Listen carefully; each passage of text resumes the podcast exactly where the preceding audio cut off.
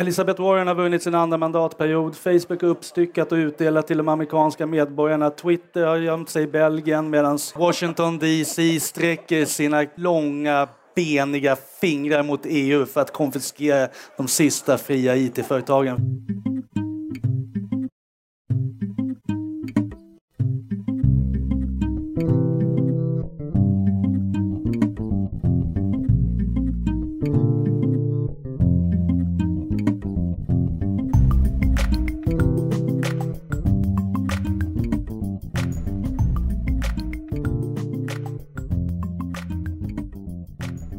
Hej, det här är podcasten Social by Default och precis som alltid är det jag, Sara Larsson Bernhardt, som tillsammans med Deeped Niklas Strand driver den här podden. Vill ni kommentera avsnittet eller har idéer för framtida avsnitt? Twittra till oss med hashtaggen Social by Default eller prata med oss på vår Facebook-sida alternativt vårt Instagramkonto. Hej Sara! Hej Niklas! Hur är det? Det är bra tycker jag. Hur är det med dig? Jo tack, det är bra. Mm, var är vi? Ja, vi är i Stockholm. Vi har bergskurs. Mm. Vi har den 39 bergskursen. Ja, det är faktiskt ganska galet. Det är fullkomligt galet. Och roligt. Mm. Vansinnigt kul. Väldigt mysig grupp den här Ja, gången också. Jag menar ändå 39 gånger man känner, men det är alltid oerhört roligt. Mm. Liksom, och meningsfullt och sådär. Det är jättekul. Det vi kan då påpeka att vill man vara med om klang och jubelföreställningen 40 gången så kan man anmäla sig till aprilkursen redan Mm. nu. Den går i början av april Mm. och det är bara att gå in på Bergs hemsida och titta på enstaka kurser. Har det hänt något mer i vårt gemensamma liv? Ja, vi blev ju intervjuade utav Tony Hammarlund i hans podcast Digitala marknadsföringspodden. Mm.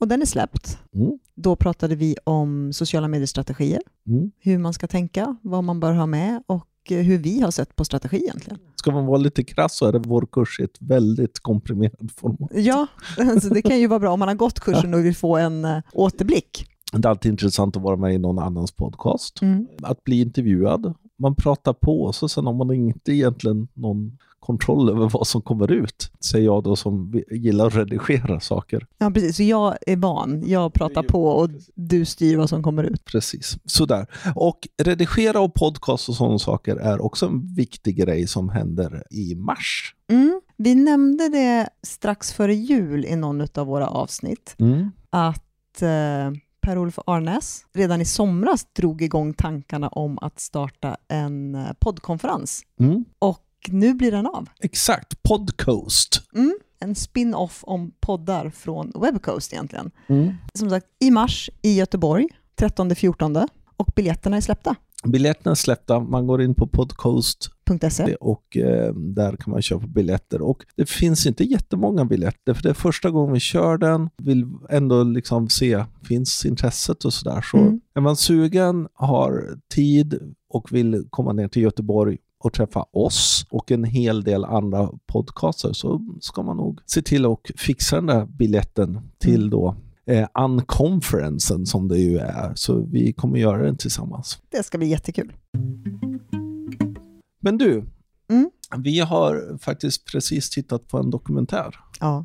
Jag är ju en sucker för dokumentärer. Mm. Det är ju roligt. Jag har ju nästan inte tittat så mycket på varken tv eller Netflix. Nej. Tills i julas. Du var långsam in på Netflix. Jag var extremt långsam in på Netflix. Late adopter. Och nu crunchar jag alla dokumentärer som finns. Och framför allt dokumentärer som har någonting med nätet och digitalt att göra. Mm. Så nu har jag tvingat dig att titta på en dokumentär. Vi såg en dokumentär om Instagrams tidigare chefsdesigner Ian Spalter som då finns i serien Abstract som generellt är den serien fascinerande om man gillar design, om man Mm. gillar allt sånt där.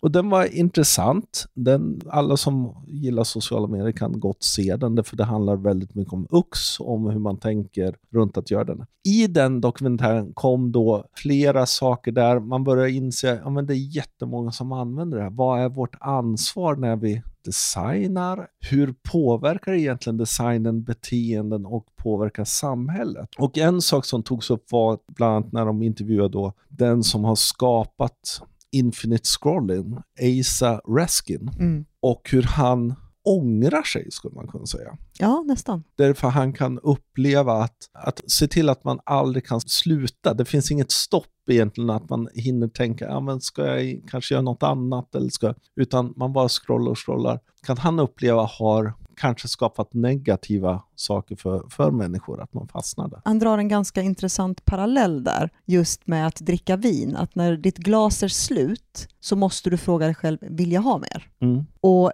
via internet-scrollen, man ställs inte för det dilemmat. På internetdagarna så pratade vi om liknande saker. Mm. Därför vi drev ju ett spår som heter digital moral och internetsetik. Och en av sakerna vi gjorde då var att ha panel med tre av de stora sociala medier och techföretagen. Jätteroligt. Och faktum är att det var kanske faktiskt första gången som både Google, Facebook och Twitter stod på samma scen i Sverige. Så det var ju fantastiskt roligt för oss. Det vi ville diskutera, eller det vi diskuterade där, handlar väldigt mycket om hur man i en sån situation som de är globala kan sätta moraliska och etiska förhållningsregler när man har hela världen som bas. Hur förhåller man sig till olika kulturer, olika juridiska system och framförallt inte, inte minst oss som individer, vad är vår moraliska uppfattning? Och hur ska de förhålla sig till det?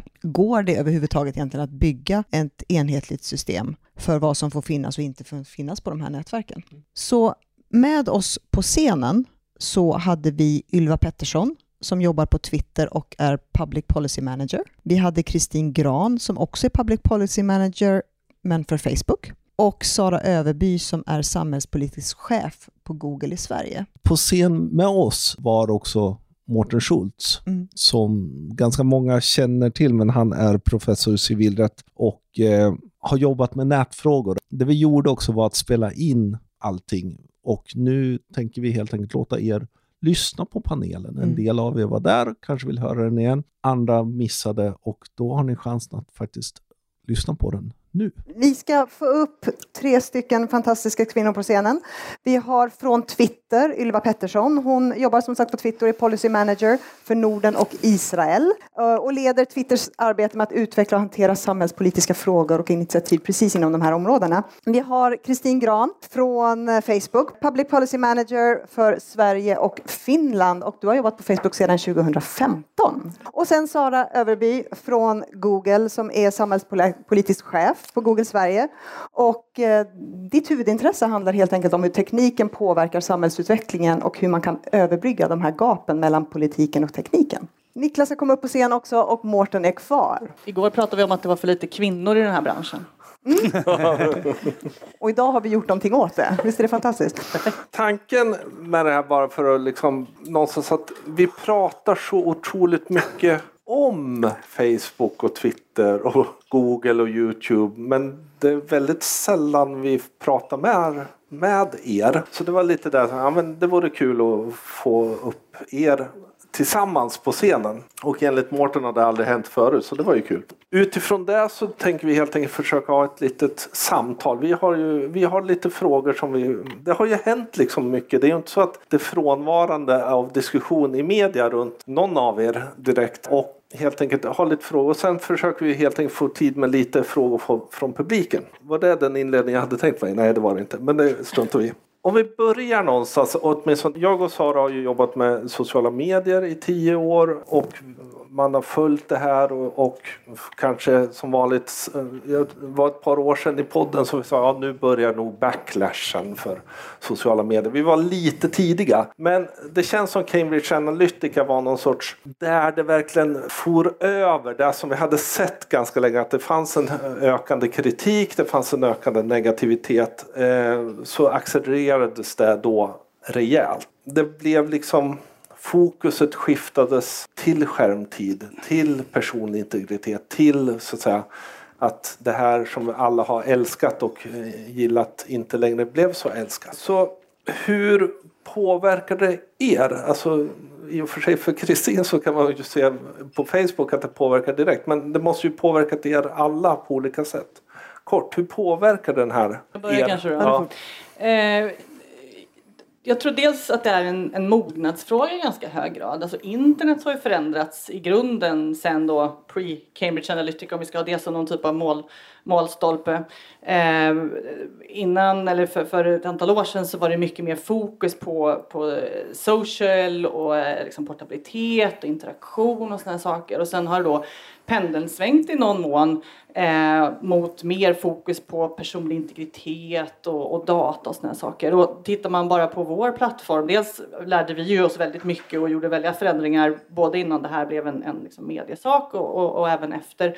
Eh, vad gäller den personliga integriteten och, och eh, kontrollen för våra användare inte minst. Men eh, transparensen har ju ökat. Det finns ett krav från konsumenter, användare på att man ska ha möjlighet att skaffa sig en större förståelse för vad som händer på nätet. Vi har till exempel publicerat våra gemenskapsregler, de här eh, reglerna då som styr vad man får och inte får göra på Facebook i detalj. Mm. Eh, det gjorde vi för var det ett par år sedan nu. Det, det, var någonting som inte fanns tillgängligt och det är ju en utveckling som jag ser, jag tror vi ser generellt på internetet. Det går mot mer transparens, mer liksom användarkontroll och mer öppenhet. Är... Vi har varit på scen många gånger tidigare. Ja. jag måste... Vi är mer öppna. En följdfråga på det då, för att det känns väldigt ofta som man, man fokuserar just på data, personlig integritet, transparens, vad ni trackar eller inte trackar just på sociala nätverk. Känner ni er mer utsatta och behöver vara ännu mer transparenta än till exempel Aftonbladet eller eh, andra Svenska nyhetssajter? Jag tror att det finns såklart en helt annan förväntan på de företag som är datadrivna från början, mm. eller man ska säga, än kanske på traditionella bolag som förändras under, under tiden. Men jag och Kristin var ju då på samma panel i Almedalen i somras där vi diskuterade det. Och då var det en eh, panelkollega som ställde Anders Ygeman till svars för att han, staten säljer ju ganska mycket adressuppgifter och eh, personlig information om medborgarna. Så det är ju bara ett sidospår, men om man tänker ett integritetsperspektiv för Google har varit viktigt i, i flera, flera år. Mycket längre än Cambridge Analytica. Eh, för åtta år sedan så introducerade vi den knappen där du kan reglera, okej, okay, den här datan vill jag inte, min data vill jag inte ha kvar hos Google. Så nu tar jag den och lämnar och kastar eller tar, går till någon annan. Så utöver att du då kan bestämma vilken typ av data samlar Google in om mig när jag använder en mängd olika produkter som vi då har Ehm, hur ska vi få använda den? Vi är aldrig intresserade av dig som person, det är aggregerad data. Så jag vet ingenting om någon här. Och att med den knappen då också se till att ja, men nu kan du lämna och gå. Eh, så, så har vi haft ett fokus under lång tid. Men jag tror precis som Kristin säger att uppmärksamheten och folks medvetande, vilket också är en mognadsfråga då, är jättebra att den ökar och att kraven ökar. Så att vi fortsätter hela tiden förenkla och förstå. Det senaste vi gjorde var att vi skickar sådana små nudging-notiser i din Android-telefon. Den här appen har tillgång till den här informationen om dig. Vill du ha det så eller vill du ändra det? Så att du hela tiden ska få enkla möjligheter att reglera mm. din integritet och dina personliga inställningar istället för att ta och läsa långa avtal. Mm. Och nästa steg i den mognadsprocessen är kanske då att vi också har en ökad kunskap hos allmänheten. För vi gör ju också en massa sådana här saker. Man kan ladda ner allt man någonsin har gjort på Facebook. Man kan se vilka appar som har tillgång till data och styra det helt och hållet och sådär. Va? Man kan se varenda inlägg, varför det visas i nyhetsflödet. Alltså det är få företag som är så granskade som, som våra här, vill jag hävda. Eh, men frågan är hur man då når ut med informationen om all den här kontrollen som man har som, som individ. Twitter då, hur påverkar det er?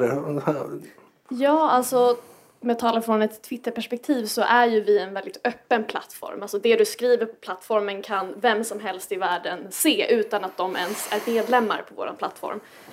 Um, och jag tror att det är intressant det som Sara säger, det här med att folk har blivit lite mer medvetna om data och vad vi faktiskt vet om folk. Vad skriver de på vår plattform och hur sparar vi den informationen? Och jag tror att det kommer i sig eh, hjälpa folk att faktiskt ställa lite mer krav på oss. Jag menar idag är vi väldigt intresserade av vad finns i våran mat vi äter. Vi vill ju veta exakt vilka e-nummer det är, är det ekologiskt och liknande. Varför ställer vi inte de frågorna kring vår data? Eh, Twitter, vi, vi har, det finns öppet i vår privacy policy exakt vad vi vet om er, vad, hur vi använder datan. Men hur får vi fa faktiskt folk att läsa den och ta till sig den? Och det pratar ju också Max Schrems om igår just det här med att utbildningen räcker inte. Det räcker inte att vi är transparenta om den datan vi har och hur vi hanterar den utan vi måste vara mer aktiva i den rollen och det är intressant att se hur det kommer att spela ut sig. Mm. Har det skett någon förändring i den aktiviteten eller planerade aktiviteten just efter att folk har blivit mer medvetna?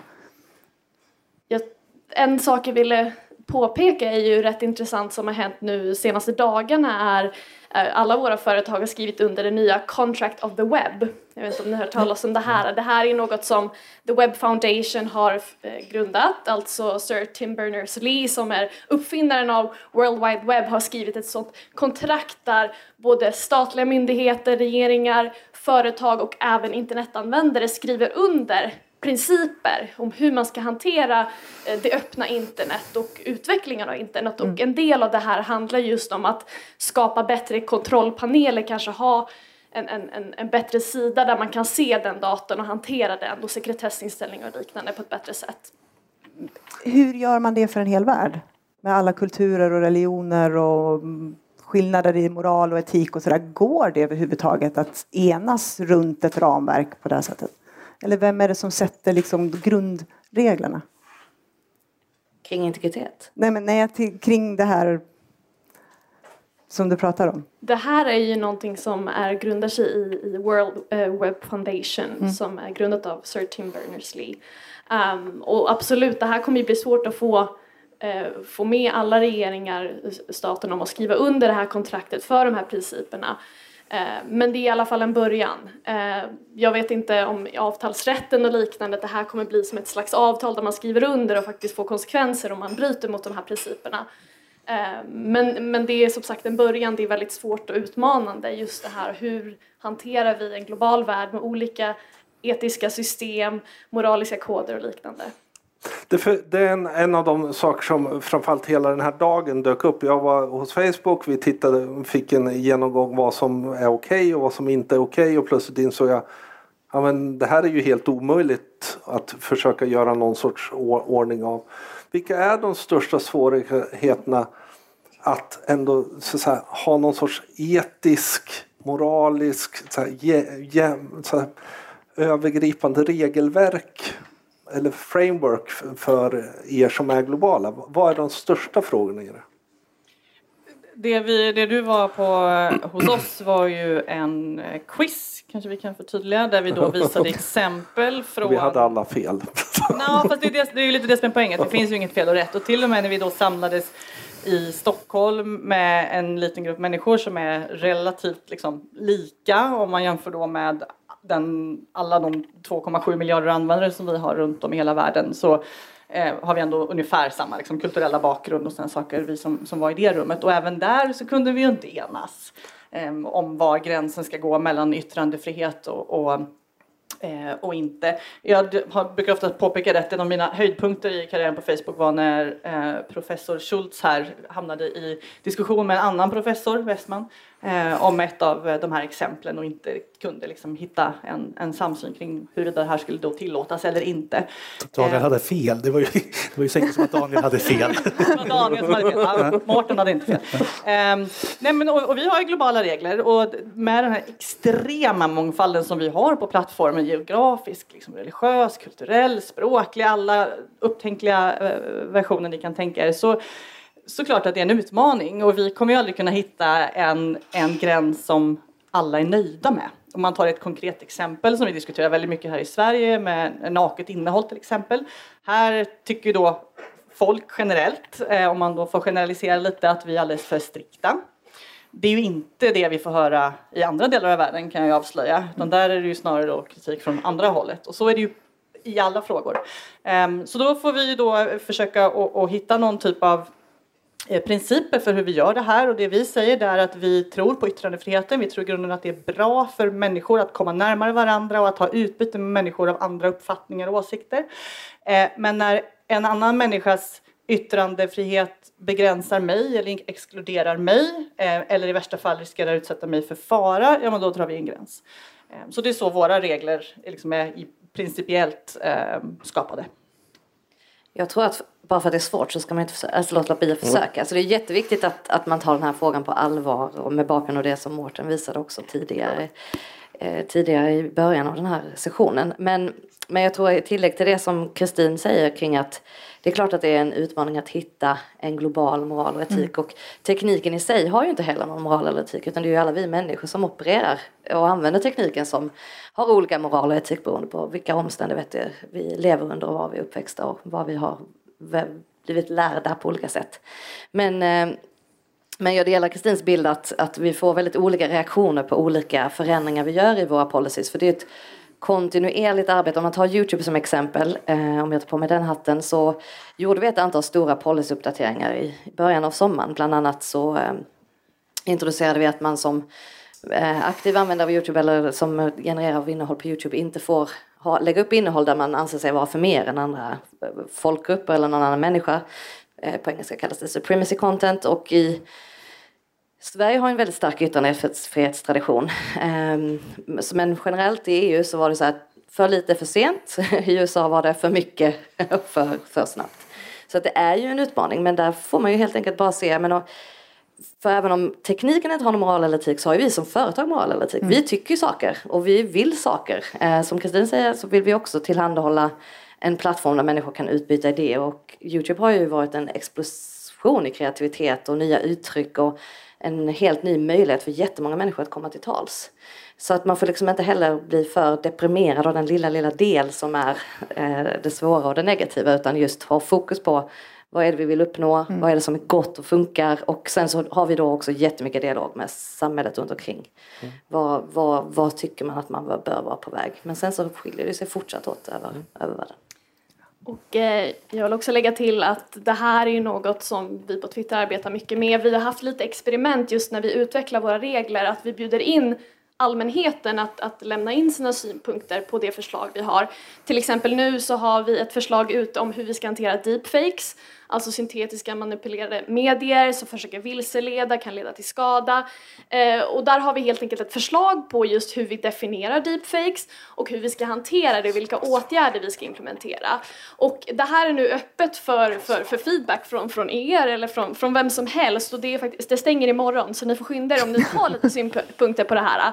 Eh, det här är inte första gången som vi faktiskt öppnar upp för feedback på våra policyer när vi faktiskt skriver dem utan eh, förra året så hade vi en liknande experiment gällande när vi skulle utveckla våra regler kring omänskliggörandet av människor på, på grundval av religion.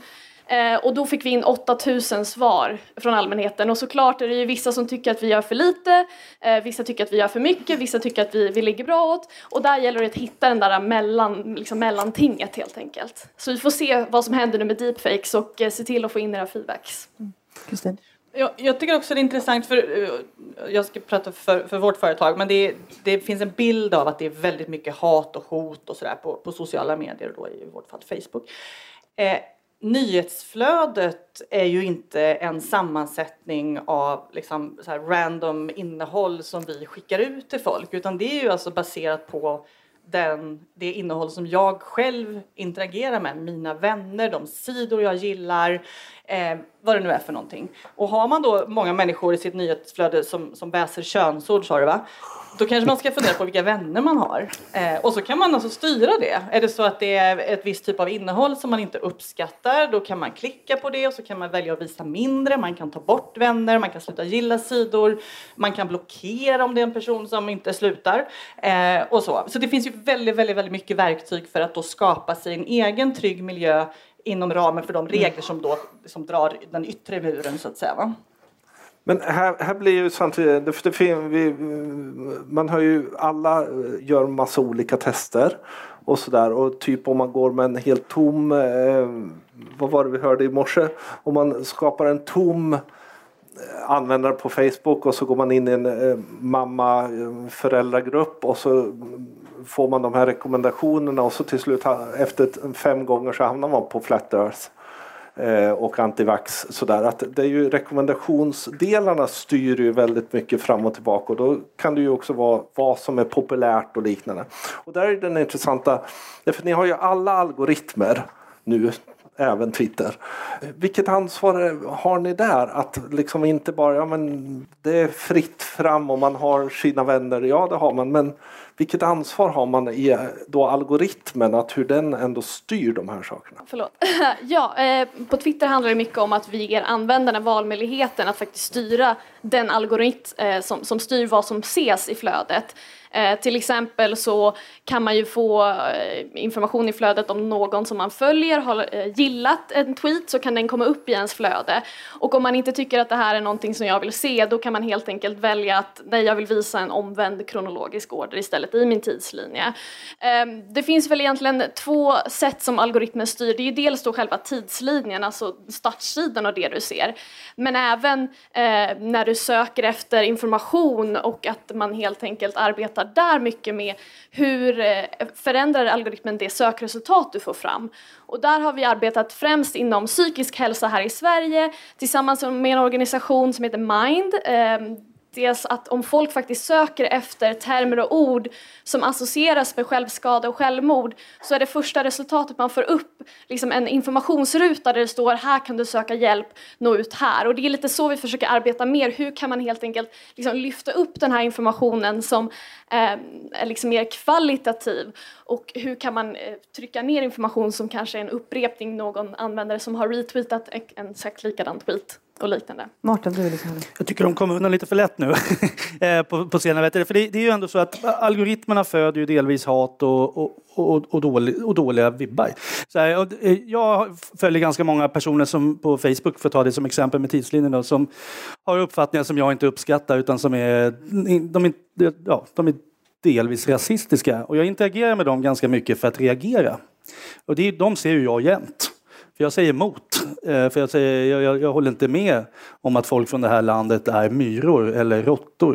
Eller någonting sånt. Det brukar ni faktiskt ta bort. Det senare. Ja, så får man inte säga. Nej, så får man inte Och samma sak på Youtube har man ju sett att eh, främlingsfientligt innehåll eh, genererar intresse och engagemang och att Youtube har ju, det har ju länge varit så. så man ser ju att, att främlingsfientligt innehåll har ju tidigare i alla fall. Jag vet inte om det, om det kanske hör till det som ni gjorde om i början på sommaren då, att, det, att ni har skrivit om det. För det, det, det har ju varit en återkommande kommande kritik att rasisterna slår igenom väldigt effektivt. Jag tror att man kan, jag tror att det finns många sätt att se på, på um, jag tror absolut att det finns fall där folk har fortsatt in i ett hål som de kanske inte har varit intresserade av att vara i. Um, och jag tror att det är väldigt svårt att hitta en algoritm som presenterar ett perfekt balanserat resultat.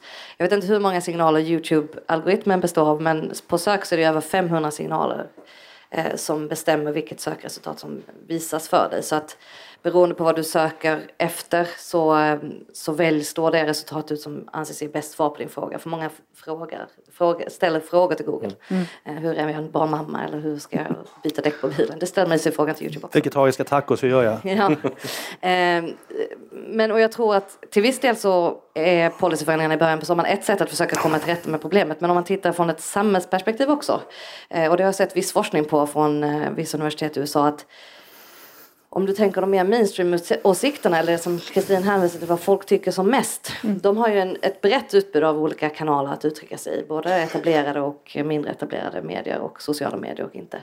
Och, eh, så det förekommer helt enkelt liksom en, en, en överandel av mer ifrågasatta åsikter kanske eller åsikter som inte har ryms i i den vanliga diskussionen och i Sverige så är det ju då kanske saker som är liksom lätta att tycka men det kan vi ju vara utan. Men lever du i en mer kontrollerande stat så är det kanske enda stället där det finns en demokratisk diskussion. Mm. Så, att, så att det är oerhört svårt för att komma tillbaka till det vi pratade om innan att, att dra gränserna och bestämma vad som ska finnas och inte finnas och utifrån Google och Youtubes perspektiv så, så, så har vi ju en väldigt stark tro på yttrandefriheten också, mm. liksom vad vi har i Sverige. Så att Eh, Eh, är det inte tydligt att du bryter mot policy eller lokal lag. Bryter du mot lokal lag i Sverige så är det jättelätt, då åka du bort direkt så fort vi får veta det. Men i övrigt så är det ju ändå så att du, du får um, vara kvar om du inte bryter mot policy. Så ta det med, med uh, överlägset uh, argumenterande eller beteende. Då, gör du det, då åker du ut. Men de som gör, jobbar i den linjen eller är rasister och är på Youtube, de vet ju var den gränsen går. Så de balanserar ju också på den. Ja, och, och, och, det gör ju människor, balansera, för någonstans måste man dra gränsen. Mm. Eh, och sen kommer då vårt mänskliga beteende i någon mån att göra att man då tycker att det är lite roligt att röra sig i de här tassemarkerna. Eh, så vi försöker titta på att försöka och, och vända på den här kurvan och eh, ge mindre spridning åt det vi kallar för borderline content. För att det då inte, även om du då har rätt att säga det och uttrycka en viss åsikt så har du inte rätt att få stor spridning på det. Eh, det du säger är ju också ett, ett, ett eh, skäl till att filterbubblorna faktiskt inte är lika starka på nätet som de kanske är hemma i ens Bostad. Ja, precis. Bostaden är, ja, precis. Där är den oerhört stark. Eftersom att man tenderar att interagera just med människor som inte tycker exakt som, som jag tycker. Så. Ja, och jag tror också vi har också lagt till liksom just de här funktionerna att ja, men det tas bort om det bryter mot lag eller policy. Det ska förminska, alltså liksom synligheten ska minskas även som precis även om det är lagligt så kan man ändå trycka ner det. Det ska också vara för Youtube är ju en, en möjlighet till intäkt för kreatörer och ett nytt sätt att tjäna ett levebröd. Så att om du är, då ska det vara en, en, eh, ett privilegium. Det är ingen rättighet att vara kreatör på Youtube och få del av annonsintäkterna som kopplas till ditt konto. Så det finns ju många olika sätt att angripa frågan från för att, liksom, för att skapa ett mer ja, hållbart system. För det är ju också en jätteviktig poäng att göra att det här är ingenting som är bra för oss. Det är jättedåligt för oss. Det är mm. ingen annonsör eller användare, eller majoriteten av användarna och eh, absolut majoriteten av annonsörerna har ju inget intresse av att synas i de sammanhangen. Så det är ju liksom en, en eh, överlevnadsfråga långsiktigt också. Men det här innehållet som du pratar om, border... Borderline content. Borderline content. Hur identifierar ni det?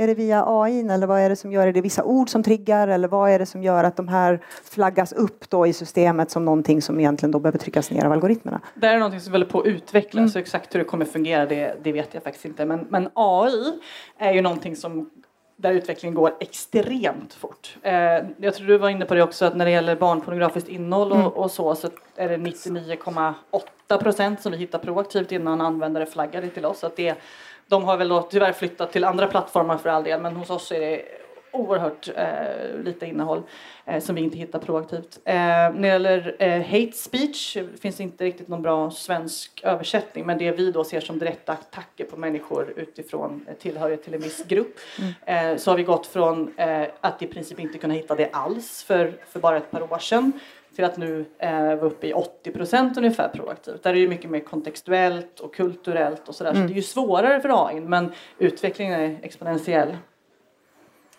Och precis som med Facebook så har vi också arbetat just med den här proaktiva eh, upptäckten av, av sånt som kan vara skadligt och som eh, bryter mot våra regler innan faktiskt en användare flaggar det till oss så att man inte sätter bördan på användaren att rapportera till oss. Eh, och samma där så är det ju just med barnpornografi och terrorism ganska enkelt för maskininlärningen att hitta sånt här material och innehåll. Och när det kommer just till hate speech så är det lite svårare för att det är mer kontextbaserat. Um, och uh, ja, nu tappade jag tråden vad jag skulle säga här. Men jag kan nog, jag kan nog plocka upp det, just det här med att, att låta användarna flagga för innehåll. Jag menar, det vet jag att det har försökts på flera olika plattformar att man ska ha den typen av lösningar, att man som användare kan känna att men det här är någonting som jag inte tycker om eller det här är någonting som bryter mot mina etiska moraler. Vi vet ju också att vi har organisationer som använder det på ett sätt för att trycka ner äkta innehåll egentligen. Att man liksom orkestrerar i grupper att nu ska vi gå ner och, an och anmäla en, ett konto eller en person eller ett innehåll som egentligen kanske kan vara sant men står mot, mot det som vi, den ideologi som vi brinner för. Men ta antivax till exempel. Hur upptäcker man när det blir mer orkestrerade attacker i så fall på det sättet? Det där är jämte eh, missförståndet att vi säljer data, vilket vi inte gör, så är det där en av våra vanligaste missförstånd. Att mm. den här typen av eh, drev eller massanmälningar skulle spela in i vår bedömning. Om ett inlägg bryter mot våra regler så tar vi bort det. Bryter det inte mot våra regler så tar vi inte bort det.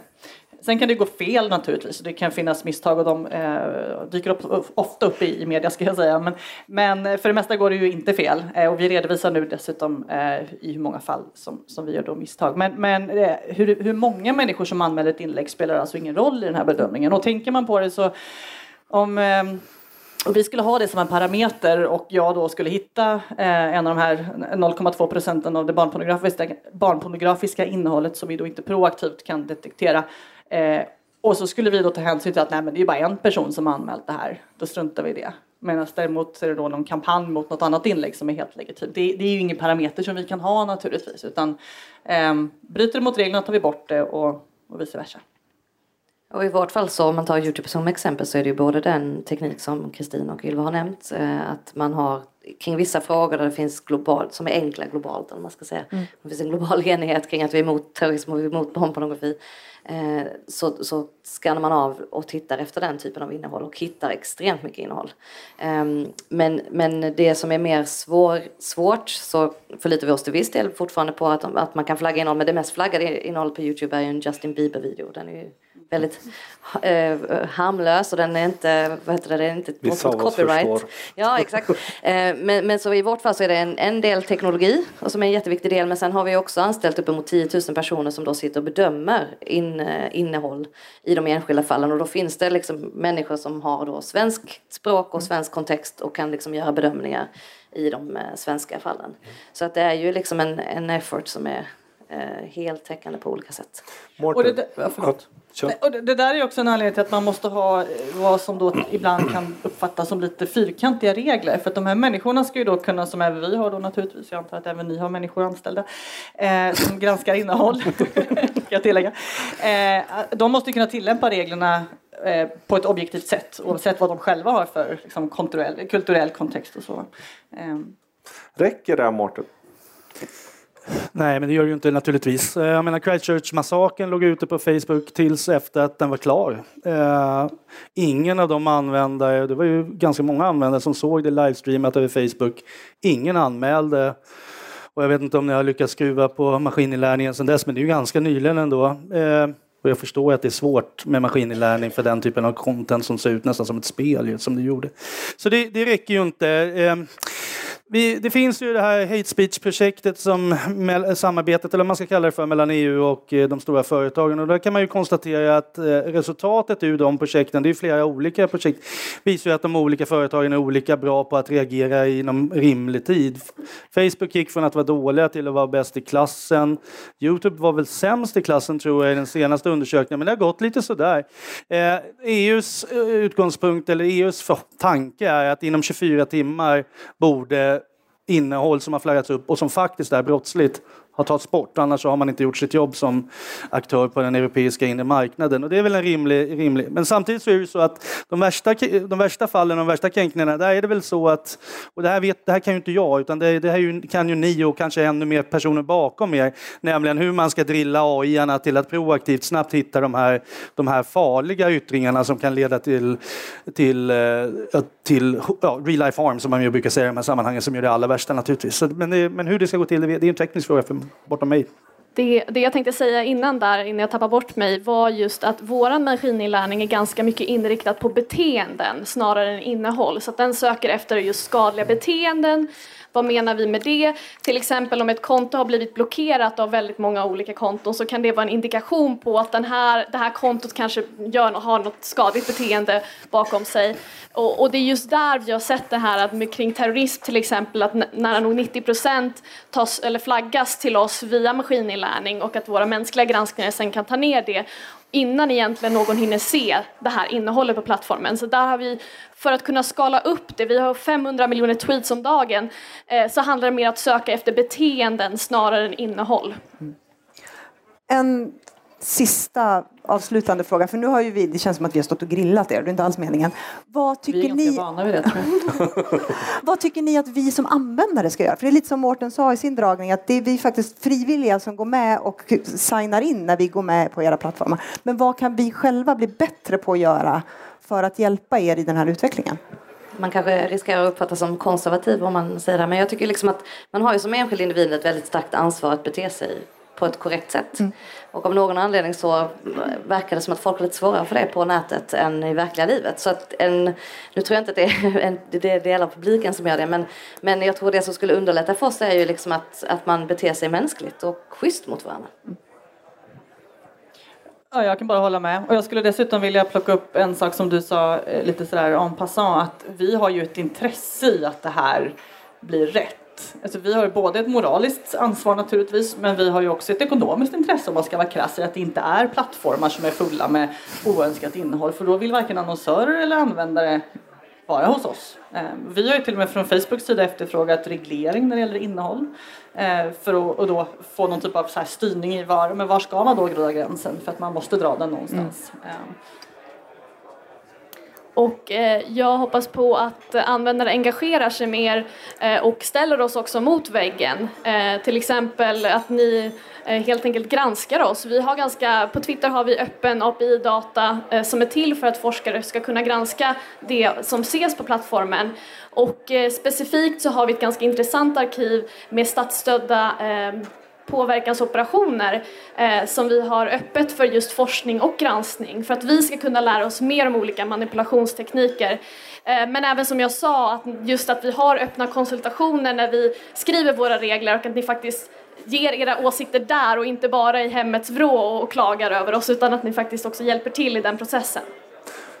Mårten då, om jag får ge dig en sista fråga. Om fem år, hur, hur ser det ut då tror du? Är det hyperreglerat? Mycket mer lagar eller har vi lyckats med självsaneringen? Eh, Elisabeth Warren har vunnit sin andra mandatperiod. Facebook är uppstyckat och utdelat till de amerikanska medborgarna. Twitter har gömt sig i Belgien medan eh, Washington DC sträcker sina långa beniga fingrar mot EU för att konfiskera de sista fria IT-företagen för too little too late. Tack ja, för att Jag hoppas det blir bättre. Ja. Med den uh, upplyftande så tackar vi er. Panelen var fantastisk. Mm. Kunde stått och pratat länge. Ja, och det är spännande när de här ändå som man kan känna, de har så mycket att förlora och kan lika gärna vara tysta, som faktiskt berättar ganska mycket. Och eh, vi får helt enkelt tacka Sara, Kristin och Ylva och självklart Mårten också, att de ställde upp. Och det var det vi hade för den här gången. Vi lägger in länkar till eh, Netflix Abstract, serien med Ian Spalter. Vi lägger också in de få länkar som vi har. Tony Hammarlunds podcast podcast och sådana saker. Allt finns i våra show notes. Och de hittar ni som alltid på podcast.socialbydefault.se. Glöm inte att prenumerera på oss. Vi finns på Spotify, Apple Podcaster, Soundcloud, Acast och Stitcher. Och det är bara att söka på Social by Default. Om ni gillar den, ge den jättegärna betyg på Apple Podcaster. Eh, recensera den, tyck till och framförallt prata gärna med oss. Ställ frågor, kom med glada tillrop. Hashtaggen är Social by Default. Vi har en, ett Twitterkonto, vi har ett Instagramkonto, vi har en Facebook-sida tillsammans. Mm. Vill man prata med oss som personer bara så heter jag Deeped överallt. Och jag heter Sanasi LB överallt. Ha det bra! Hej då!